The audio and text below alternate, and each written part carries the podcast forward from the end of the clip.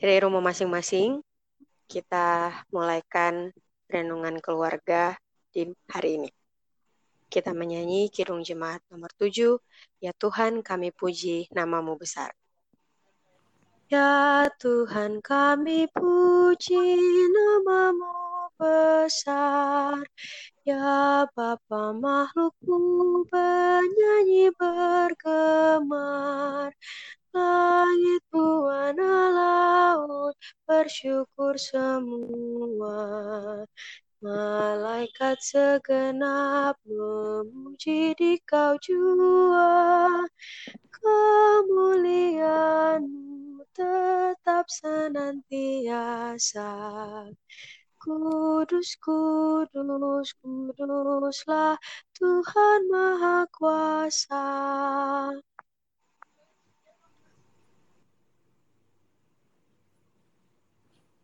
Mari kita berdoa.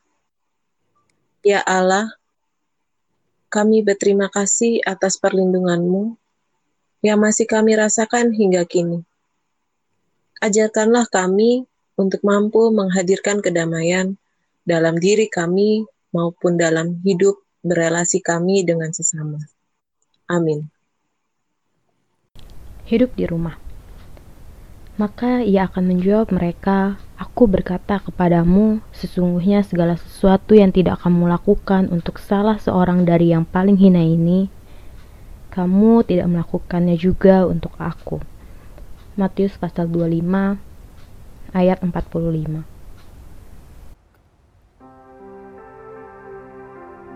Karantina pasca menyebarnya COVID-19 tentu saja membuat kita banyak menghabiskan waktu di rumah banyak juga dari kita yang harus bekerja dan menyesuaikan diri untuk work from home. Beberapa orang sesekali menunjukkan produktivitas dalam perbaikan diri, karena bisa punya banyak waktu luang. Ada pula yang kesulitan karena terdorong untuk malas-malasan, bahkan terjebak dalam rasa bosan. Sebenarnya, apa yang kita rasakan dengan hidup di rumah? Apa arti rumah bagi kita? Apakah hanya sekedar tempat untuk pulang dan beristirahat? Atau tempat yang nyaman di mana ada ruang privasi untuk kita berpikir dan meluapkan emosi. Tentu saja kita memiliki pemahaman masing-masing tentang apa arti rumah bagi kita. Namun, tahukah kita bahwa rumah juga adalah tempat kita terhubung? Secara lebih luas, kita dapat melihat bahwa bumi adalah rumah bagi kita bersama. Tetapi, sering kali kita mengalami diskoneksi dengan para penghuninya, yaitu seluruh ciptaan. Kita terfokus pada diri kita sendiri, keserakahan diri, kesalahan orang lain, ataupun terjebak dalam pikiran tentang masa lalu dan masa depan. Rumah yang kita miliki sering kali terasa bukan rumah yang kita inginkan dan banggakan.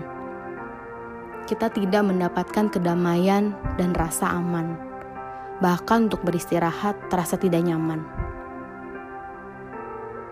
Hingga kita tidak dapat lagi menghindar atas pergumulan kita bersama. Matius pasal 25 menunjukkan bagaimana relasi manusia kepada ciptaan adalah juga bagian dari pemberian tulus kepada Allah. Ketika kita hidup dalam keterhubungan dengan yang lain, kita pun terhubung langsung dengan Allah. Begitu pula sebaliknya.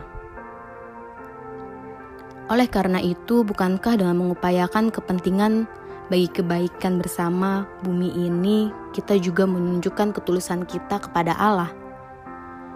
Maukah kita untuk berjuang berpartisipasi dalam pemulihan bumi yang adalah rumah kita bersama? Maukah kita tetap terhubung dengan tetap diam di rumah?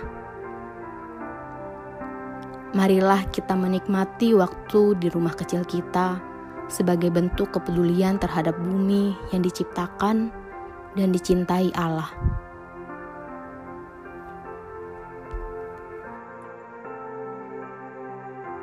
Mari kita berdoa. Kami memberikan diri kami untuk mampu berguna bagi dunia ini.